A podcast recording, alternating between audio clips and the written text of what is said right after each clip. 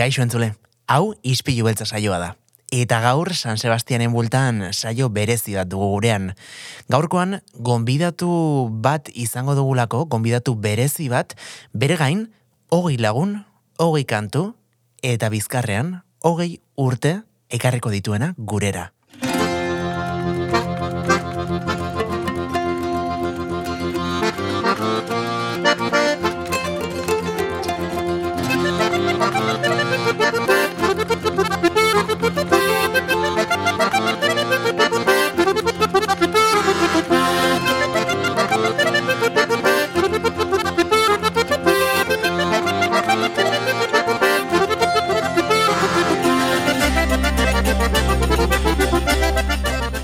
Agus barandiaran, ongi etorri gure izpeiora. Kaixo, ze moduz. Oso ondota, zer moduz aguz, topera ez da.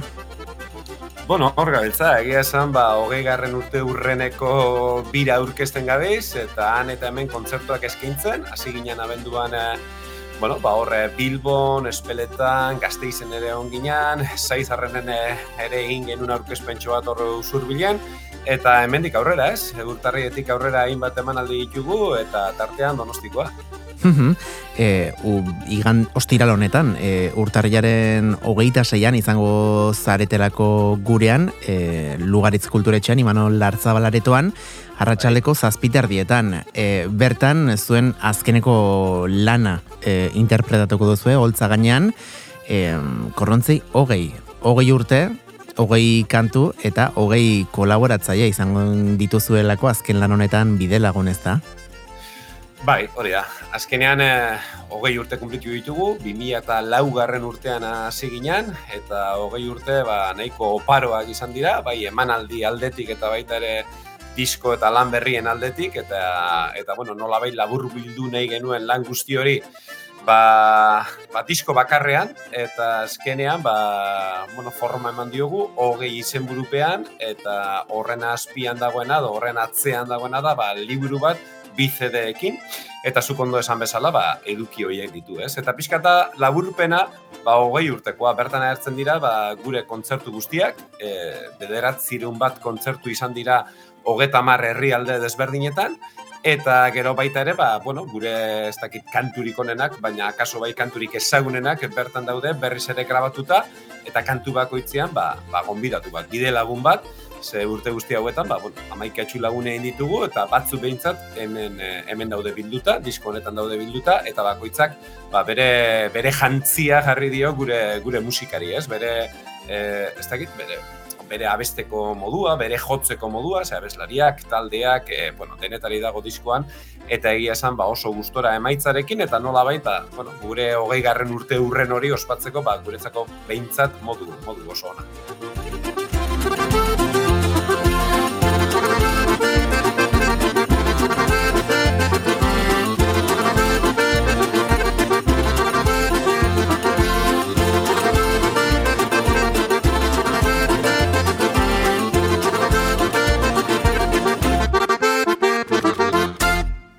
Nolako izan da ba, hogei lagun, hogei bide lagun hoiekin, bueno, bazuen kanturikin mitikoenak e, berriro ere bertsionatzea eta eta haiekin batera e, interpretatzea. E, berezia ere izan beharko zuen, ez da?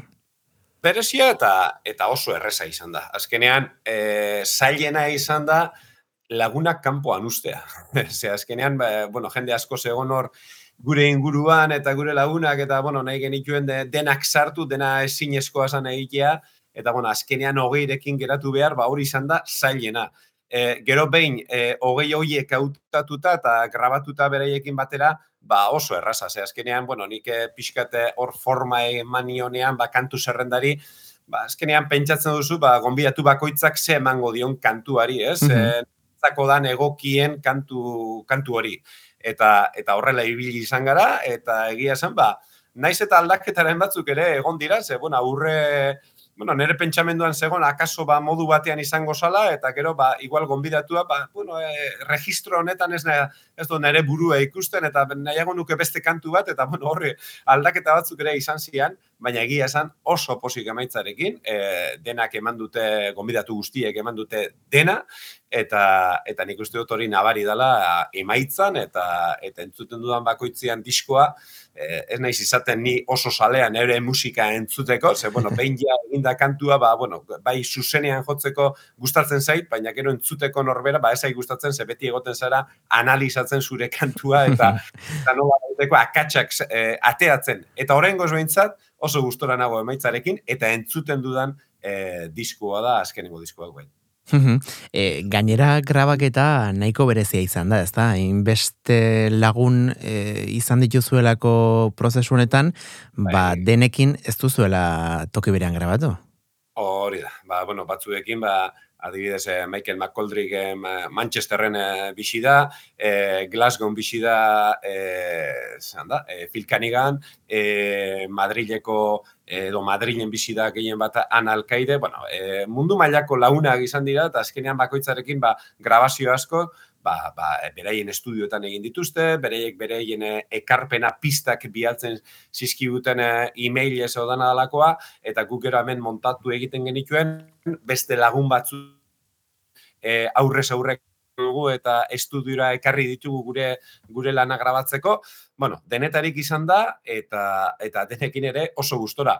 Eta oso politia da baita ere, naiz eta ez ikusi eta ez egon berarekin internetez jasotzea beraien e, ekarpena. Ze nola baita zuk adibidez, esatearen, ba, Jesus Tifuentes, zeltas kortoseko abeslaria. Ba, eman genion akelarre izeneko kantua, eta zure buruan badaukazu ideia bat gitxi gora bera nola geratuko den. Baina zu bialtzen diozu, gero berak bialtzen dizu alako e-mail bat eh, bere pistakin, eta e, zu kargatzen dituzunean estudioan eta lehenengo aldi horretan entzuten duzunean bere lana, hori da oso politia eta sorpresa itzela. Eta normalean beti izan da sorpresa onerako, zure buruan zegoena baino, e, asko sobeagoa izan delako emaitza eta hori oso politia da baita ere. E, gauza batzuk galtze dituzu internetez egiten moduzu, baina beste gauza asko ere irabazte dituzu. Beraz, ba, bueno, bakoitza, be, modu bakoitza badauka bere, bere gauza ona. Beraz, e, artista bakoitzak ere bere ekarpen propioa, ez, eskintzeko aukera ah, izan du.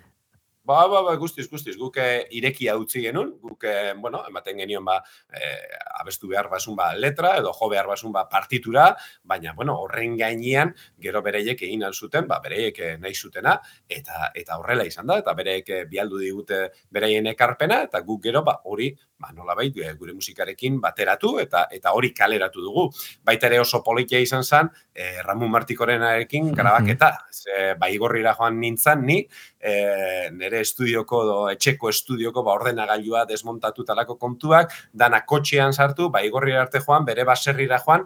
Bueno geratu ginean plazan goatzen naiz plazan kafetxo bat hartu bere baserrira igo eta han eh, atarian baserriko atarian traste guztiak atera mikrofonoa jarri eta erramunek ba, bere, bere kantua grabatu zuen, ez? Soinu jolearen olerkia, benetan be, politia eta eta ni behintzat unkituta kantu horrekin, zeintzako beti izan da referente bat erramun, eta, bueno, ba, honekin nahi dut esan, grabatzeko, ba, ma, modu desberdinak egon direla, eta bakoitza bere ekarpena egin diola kantuari, eta benetan be, gustora eta posik.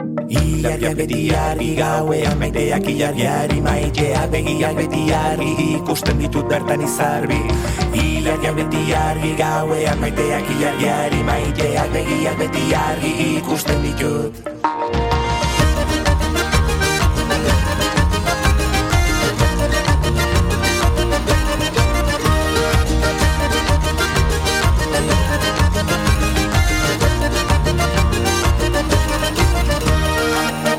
egia zelako sasoian irrita farra. Azkenek asto batekin tratua egin beharra. Tratua egin beharra sasoian irrita farra. Alargo luzen da hortxe daukazu erte bakarra.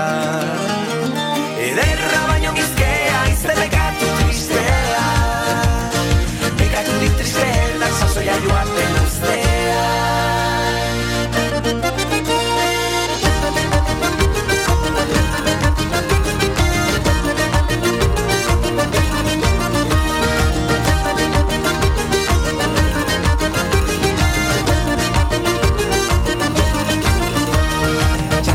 zanko eta zaunka gauean iargiari Haren zonka gora bera iargiak beti argi.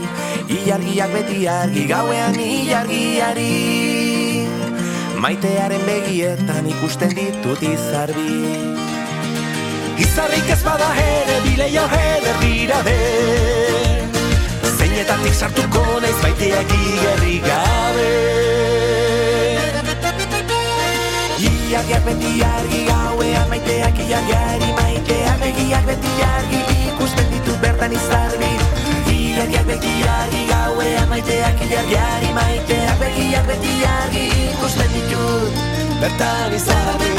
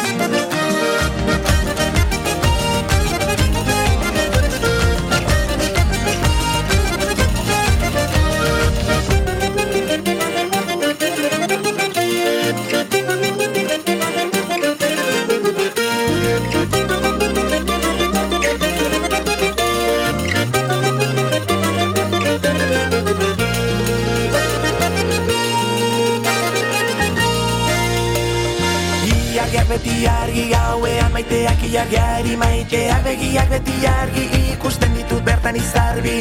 Iargiak beti argi gauean maiteak iargiari Maiteak. Begiak beti argi ikusten ditut bertan izarbi Iargiak beti argi gauean maiteak iargiari Maiteak. Begiak beti argi ikusten ditut bertan izarbi Iargiak beti argi gauean maiteak iargiari Maiteak begiak beti argi ikusten ditut bertan iziak beti argi gauean maiteak ilargiari maitea begiak beti argi ikusten ditut bertan izarbi Ilargiak beti argi gauean maiteak ilargiari maiteak begiak beti argi ikusten ditut Orain ez dakit aguz, izan duzun tarterik, e, bueno, ba, esertzeko, e, geratzeko eta hausnartzeko pixka bat, hogei urte hauetan, bueno, ba, egin eta lortu dituzuen gauza guztien inguruan. Ba, egia esan, eh, hausnarketa, bueno, noiz egiten, egiten dut, ez? Alan, egun bat edo lasaia daukasunean, ba, pixkat geratzen zara batzutan pentsatzen, ba, egin duzun bidea, ez?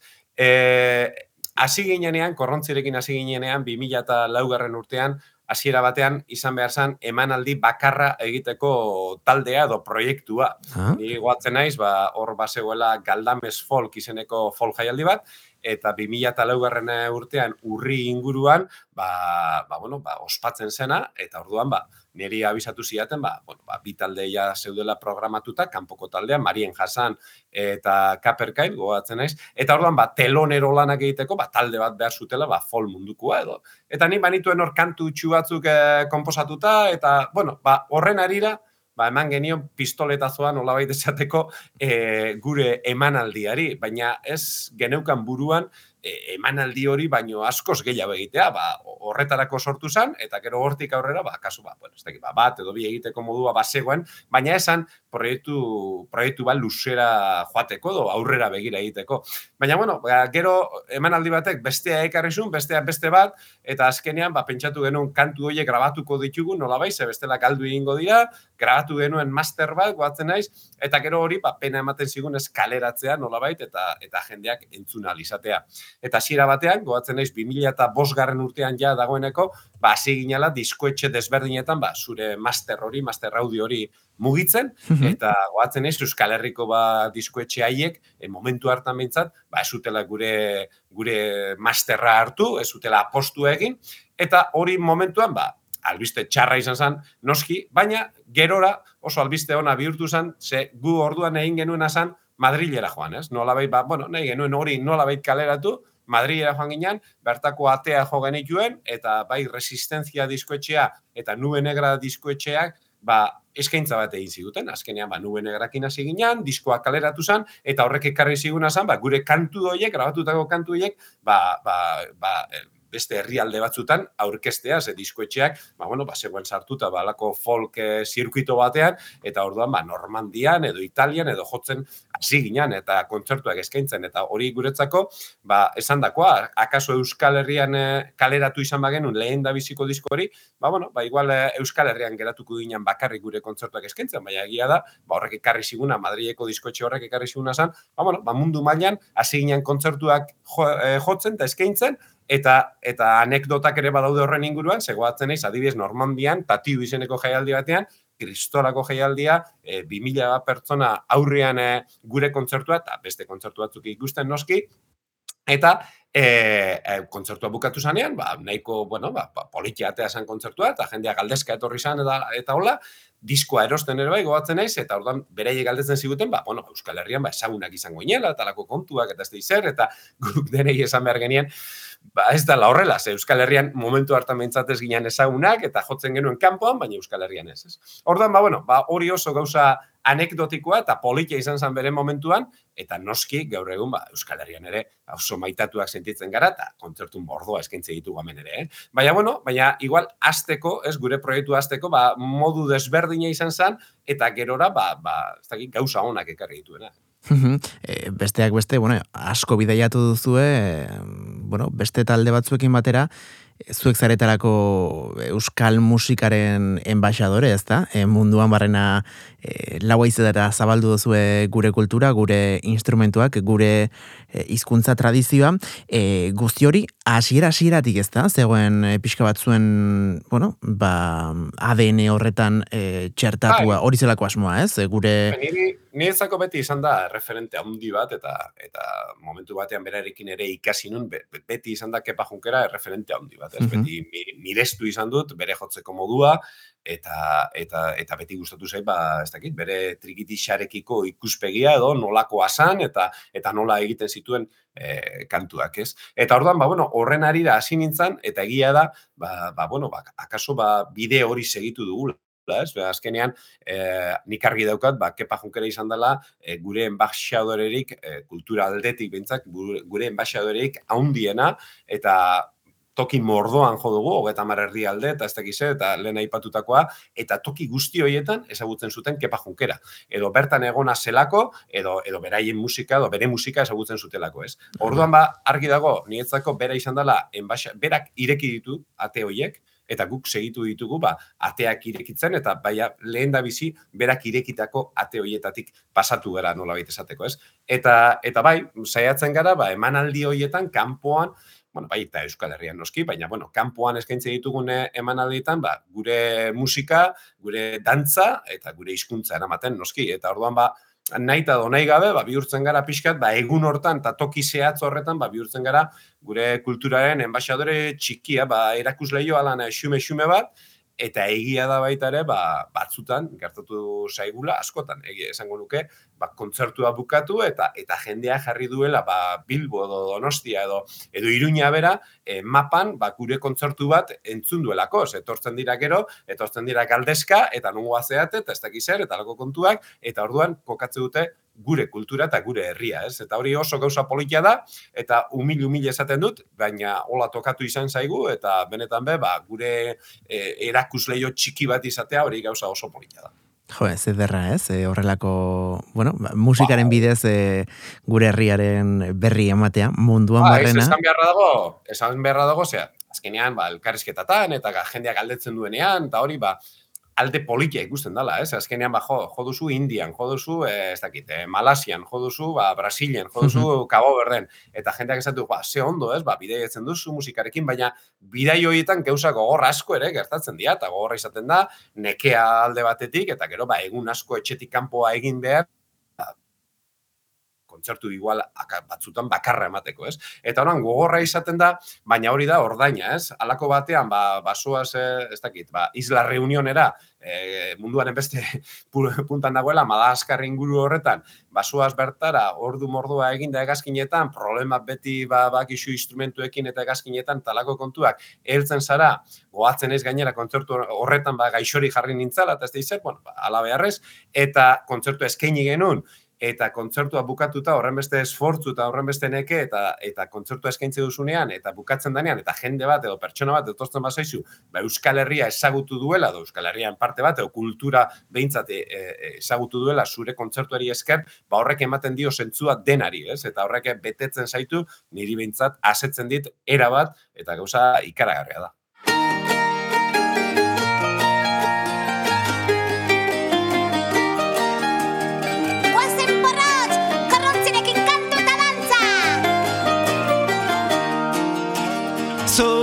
zurrunkatu zame txakabestuz gora bera kaletidua Bibegi txikien tristura Amaitasuna da behar dutena.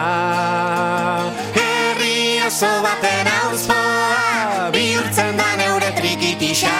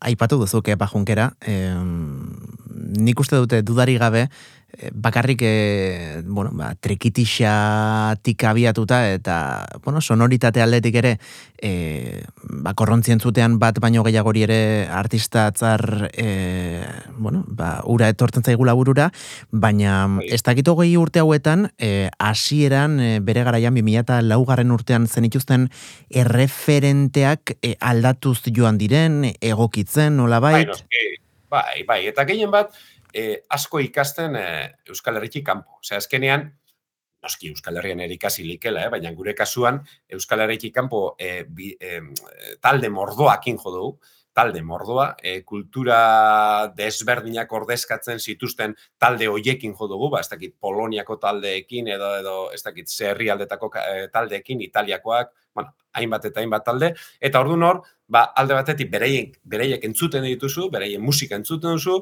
bereien instrumento tradizionalak ere ikusten dituzu eta entzun eta ikasten duzu nolabait ba musika ulertzeko nere kasuan behintzat musika ulertzeko beste modu bat, ez? Badaude, ba adibidez, ba aipatu dudan ez Madagaskar, ba Justin Bali Madagaskarrekoa eta ze instrumento tradizional daukate, ba balija izeneko instrumento bat, e, kainabara batekin eginda dagoena talako soka batzu dituena, sonoridadea inoiz entzun, nietzako entzun gabekoa eta bueno, ba, saiatzen zara, edo, bueno, nahi eta donei gabe batzutan, ze kontzertua bukatzen danean, beti, ba, bueno, beti, da, askotan izaten da, ba, jan antzeko bat, eta orduan, ba, zure trikitxarekin, azten zara, ba, berarekin jotzen, ez? Eta orduan, ba, horra harreman bat, naiz eta hizkuntza berdina ez hitz egin, musikalki bai hitz egiten duzu azkenean, e, horrelako zui bat egiten duzu behintzat, bere tradizioa eta zure tradizioa batzeko, nola baita esateko, eta azkenean ikasi egiten duzu, eta hori, ba, zure musikari, e, ba, askotan ba, influentzia horiek, ba, ez dakit, nola baita, aberazten dute zure musika, ez?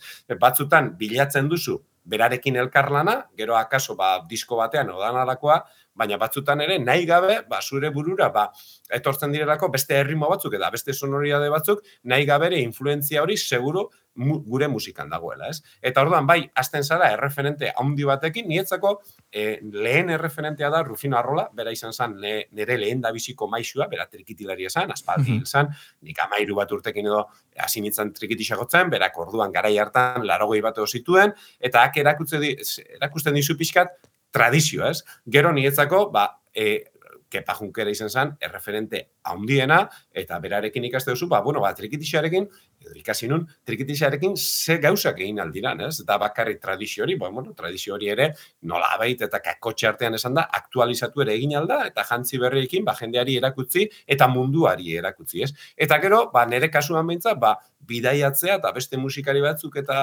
ezagutzea eta entzutea, ba, ekartzen dizuna da, ba, horiek, influenzia horiek, zure musikarara, e, musikara ekartzea eta ekarpen hori egitea, ez? Eta bueno, ba azkenean nahazte guzti horren e, baitan, ba zure musika sortzen da, ez?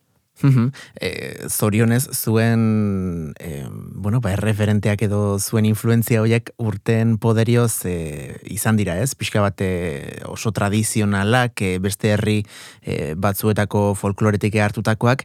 Eta bueno, ba, zaletu askoren beldurra izaten da ez da e, musika komertziala e, bueno, elektronikak gaur egun duen e, indarra ikusita.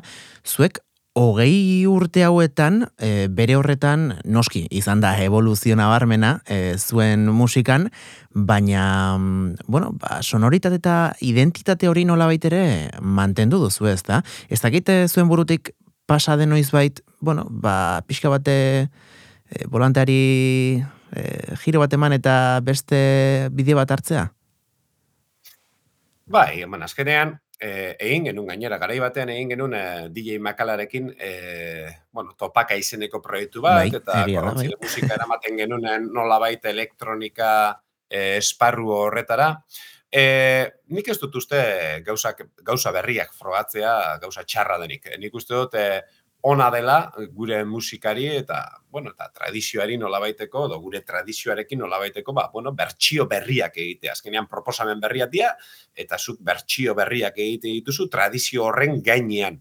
Horrek ez du esan nahi egiten duzun berri horrek ba tradizioa edo tradizio jatorrizko tradizioa mantentzen duenik, bai, beti aukiko du zerbait, baina ez da tradizionala, zuke kantu berri bat egiten duzu, eta ni beti esango dut, eta adibidez, ba, korrontziren kantu oso ezagun bat da, Josek Andreari, kontzertu guztietan mm -hmm. duguna, ba, nire letra daukana, nire musika daukana, eta batzuk esan ziaten hau da tradizionala, ez, hau ez da tradizionala, tradizioan oinarrituta dago, eta hemendik ehun urtera, ba, taberna batean, ba, norbaite kantatzen badu Josek Andreari, ba, akaso herriak egin du tradizionala, ez? Eta nietzako hori da, azkenean, tradizioa da, beti dago evoluzio, evoluzionatzen, e, garai desberdinetan proposamen desberdinak egin dira tradizio horren gainean eta segun eta ze garaietan egon garen ba, tradizio hori evoluzionatzen joan da, trikitixa bera, dela berreun urte trikitixarik ez egon, eta gaur egun tradi, instrumento tradizionaltzat hartzen dugu Euskal Herrian, eta horrek esan nahi du azkenean tradizioaren gainean egin aldirela froga berriak, eta gero gizarteak, jendiak, izango du, ba, mendik egun urtera, berrun urtera, ba, trikitisa tradizionala e, jarraitzen ote duen izaten, e, korrontziren kantua tradizionala ote dan, edo ez. Guk azkenean egiten duguna da, ba, tradizio horren gainean, gure proposamen berriak egin, azkenean nik hartzen dute fandango erritmoa, baina melodia berriak egite ditut, eta eta noski instrumento e, ba akaso tradizionalak ez direnekin ere nahastu eta influentzia berriak hor daude eta musika elektronikoa eta bestelakoak. Nik uste dut uste hori txarra denik eta gainera gaur egun ikusita e, jende gazteak nolako baliabia dituen Instagram, ez dakite, ez, alako sareekin eta alako kontuekin nolako baliabideak eta beti musika tradizionala egongo dela aspitik, nola baita esateko zoritxarrez, ze azkenean beraientzako kaso e, bueno, atraktiboagoa da bestelako errimo batzuk entzutea, eta nik uste dut, ba, adibidez, e, orain oso modan dagoela Tain Xugeiras Galizian, norbaitek entzuten baldin badu Tain Xugeiras gustatzen bazaio, eta horrekin joaten bada ba, panderoaren mundua gehiago ezagutzen, e, pandereteren mundua gehiago ezagutzen, eta kaso erreferente e, zaharrak eta beste garai batzuetako erreferenteak ezagutzen, horrek esan nahiko du, ba, gauza eta lan ona egiten adi, ari dela Tain Xugeiras bai bere musikarekin eta baita tradizioarekin ere. Zen nola bait, ba, jendea erakartzen du tradizio hortara. Eta nik uste dut, hori gauza aberazgarria dela, politia dela, eta gauza batek ez duela kentzen bestea. Eta mendik un urtera, berren urtera, ba, gizarteak esan beharko du, beraientzako, edo gizarte berri horrentzat, zertan tradizionala. Eta, bueno, aipatuta gazte jendea, ez dakitzuen e, kontzertuetan ze jende profil ikusten duzuen e, ugarian? Hombre, guretzea, guretzako nik esango nuke, ba, ez dakit, uneko iruro geia, uneko iruro eta marra, jende nagusitxa, nagusia, edo, bueno, nagusia antzekoa dela behintzat, nik esango nuke hori hola dela. Baina baita ere, esan behar dago, gazte asko dagoela lanean tradizioaren inguruan. Alde batetik, edo musika tradizionala ikasten, adibidez, bat, egitixa, banderoa, eta horrelako instrumentuak, baita ere, dantzan, dantzaren inguruan, movimentu handia, da, handia dago, herriko talde, bueno, mordoa daude, herri iaia denetan dago e, herriko dantza talde bat, eta dantza talde horiek lan ikaragarria egite dute, ba, alde batetik bai tradizioa mantentzeko, eta dantza e, tradizional horiek bere horretan mantentzeko, baina baita ere gauza berriak egiteko. Jende guzti hori, ikuslego guzti hori, azkenean askotan gure kontzertuetan ikusten dugu, eta hori oso gauza politia da, ikustean nagusiak, eta egia da, ba, igual, e, gehienak nagusia direla gure kontzertuetan, ba, baina hor badago uneko hogeta marra, uneko berrogei bat jende gaztea, eta oso gaztea ere, sartzen ari dela, eta tradizioaren inguruan, ba, ez dakit, ba, bere, bueno, bere lana egiten ere, eta tradizioa ezagutzen, eta hori oso gauza politia da. Zazkenean korrontziren kontzertu batean ere, eta imaginatzu beste talde batzuetan ere, ba, bai jotze ditugu gure proposamen berria, baina baita ere, badaude beste fandango da harinari batzuk jotze ditugula bere horretan tradizionala eta nola baiteko, ba, kontrapuntu hori egiteko.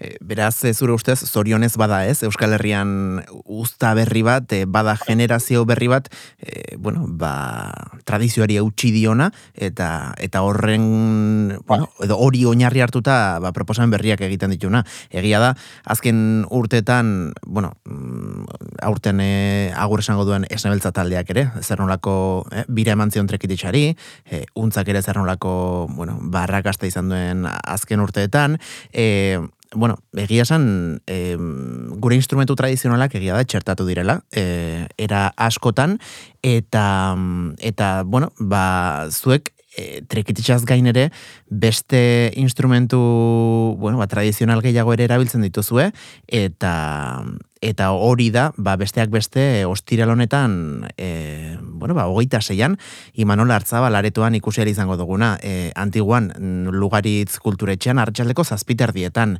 e, nori egingo zeinoke egon bita e, kulturetxera gerturatzeko? Eh, nietzako e, kontzertu bat ikusten zoa zenean, eta nietzako e, gauzari garrantzitsuena da ikuslegoak ondo pasatzea. Berdin da, rock, folk, e, ez dakit zelako motako do estiloko kontzertu izan, baina garrantzitsuena da gozatzea, ikuslegoa jatea eta eta pentsatzea handik aterako dela ordu terri do bi ordu pasatzen direnean, bai irrifar batekin ahoan eta ze ondo pasatu dudan esanez. Eta hori da niretzako gauzeri garrantzitsuena, beraz, edozein pertsona etorri alda lasai asko kontzertu ikusten, zenik uste dut eta zeiatu gora behintzat, ba, ba, pertsona horrek eta ikusleuak ondo pasatzen, txaloa jotzen eta gozatzen kontzertuarekin. Hori da garrantzitsuena. Eta nik uste dut, e, gitarra elektriko batekin edo trikitixa batekin edo pandero batekin edo dantza garekidea edo dantza tradizionalarekin denarekin gozatu aldela. Azkenean gu saiatzen gara ikuskizun bat egiten tradizioaren inguruan, gure jantzia jartzen tradizio horri eta nik uste dut edozein be, edozein belaunaldi ongi etorria dela gure kontzertu batean. Eta zuk ondo esan bezala, bai e, trikitixa, bai panderoa eta horrelako instrumentuak osasun oso ona daukate gaur egun ikasle mordoa daude eta adibidez ba zuk esan bezala ba untxa edo esnebeltzaren eraginez eta beste talde batzuen e, eraginez. E, nietzako e, orain erronka izan behar du jende horri e, ikasle hoiei e, erakustea gure tradizioaren nortasuna. E, nietzako, eta ni ere irakaslea naiz, eta bizkaian ibiltzen naiz horre basauri aldean e, trikitisa klaseak ematen, umeak, e, ume txikiak etortzen direnean, ni beti esaten diet, e, hau ez da gitarra bezalakoa, hau ez da bateria bezalakoa. Noski hautatu alduzula, edo bateria jotzea, edo trikitisa jotzea, edo, edo, edo bajo elektrikoa jotzea. Baina trikitisa jotzen baduzu, ez da bakarrik e, instrumento bat ikastea. Da, herrialde bat ordezkatzea, horren tradizioa, hor badago, e, jende asko, ba, bisirik mantentzeko trikitixia, ba, bere bisia kasi-kasi eman zuena. Debekatua zegoenean trikitixia jotzen zuten. Ezin zenean euskera zabestu, euskera zabesten zuten. Eta gaur egun hori da nietzako e, erronkarik handiena ba, ikasle bati e, eman behar dioguna edo erakutzi behar dioguna. E, oso ondo dago edo zein instrumentu e, hautatzea eta horren aldekoa izango naiz beti, baina trikitixia hautatzen badute gainera edo panderoa, eh, edo alboka, edo txalaparta, edo alako instrumentuak e, instrumento hoien atzean dagoen nortasuna erakusten e, saiatu behar gara, eta ni bintzat horretan saiatzen naiz, ez? Nola baiteko e, berezitasun hori, bere eiei adierazten. Bain zuzen, bueno, ba, guzti hori guk mm, aste honetan, ostiralean donostiako antigo zuan izango dugu ikusgai, oraindik eh, sarrera batzuk geratzen dira, beraz, sartu donostiakultura.eu satarian, eta erosi, zuen sarrera bertan ikusi izango dugulako, bai agus barandieran, eta baita gainontzeko taldekidek ere, bueno, ba, zer nolako ikuskizuna eskainiko duten gurean. Agus Brandieran, e, eskerrik asko, izpilu beltzaren gombita honartzearen, eta animo, e, musika azkain ere beste amaikatokitan ikusten zaitugulako lanean. bueno, ba, eskerrik asko hasier eta nahi dizuen arte, eta hori, ba, jendea e, gombidatu gure kontzertura hurbiltzeko eta lehen esan dakoa irrifar batekin aterako direla gure kontzertutik eta eta seguru nago zoragarri pasatuko dutela. Besarka bat agoz. Besarka bat, agur hasier.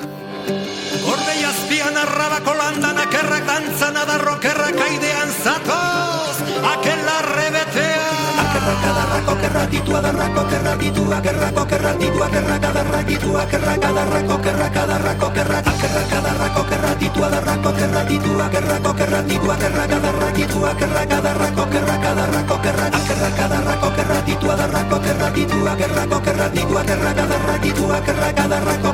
adarra Ba, tira, hause izan da guztia gaurkoz. Gu biarritzuliko gara goizeko seiretan podcast plataformetara eta goizeko zortziretan Donostia Kultura irratira. Egun da zazpi puntu lau efemera edo irratia.donostiakultura.eus atarira. Bien bitartean, badakizue. Txintxoak izan, agor.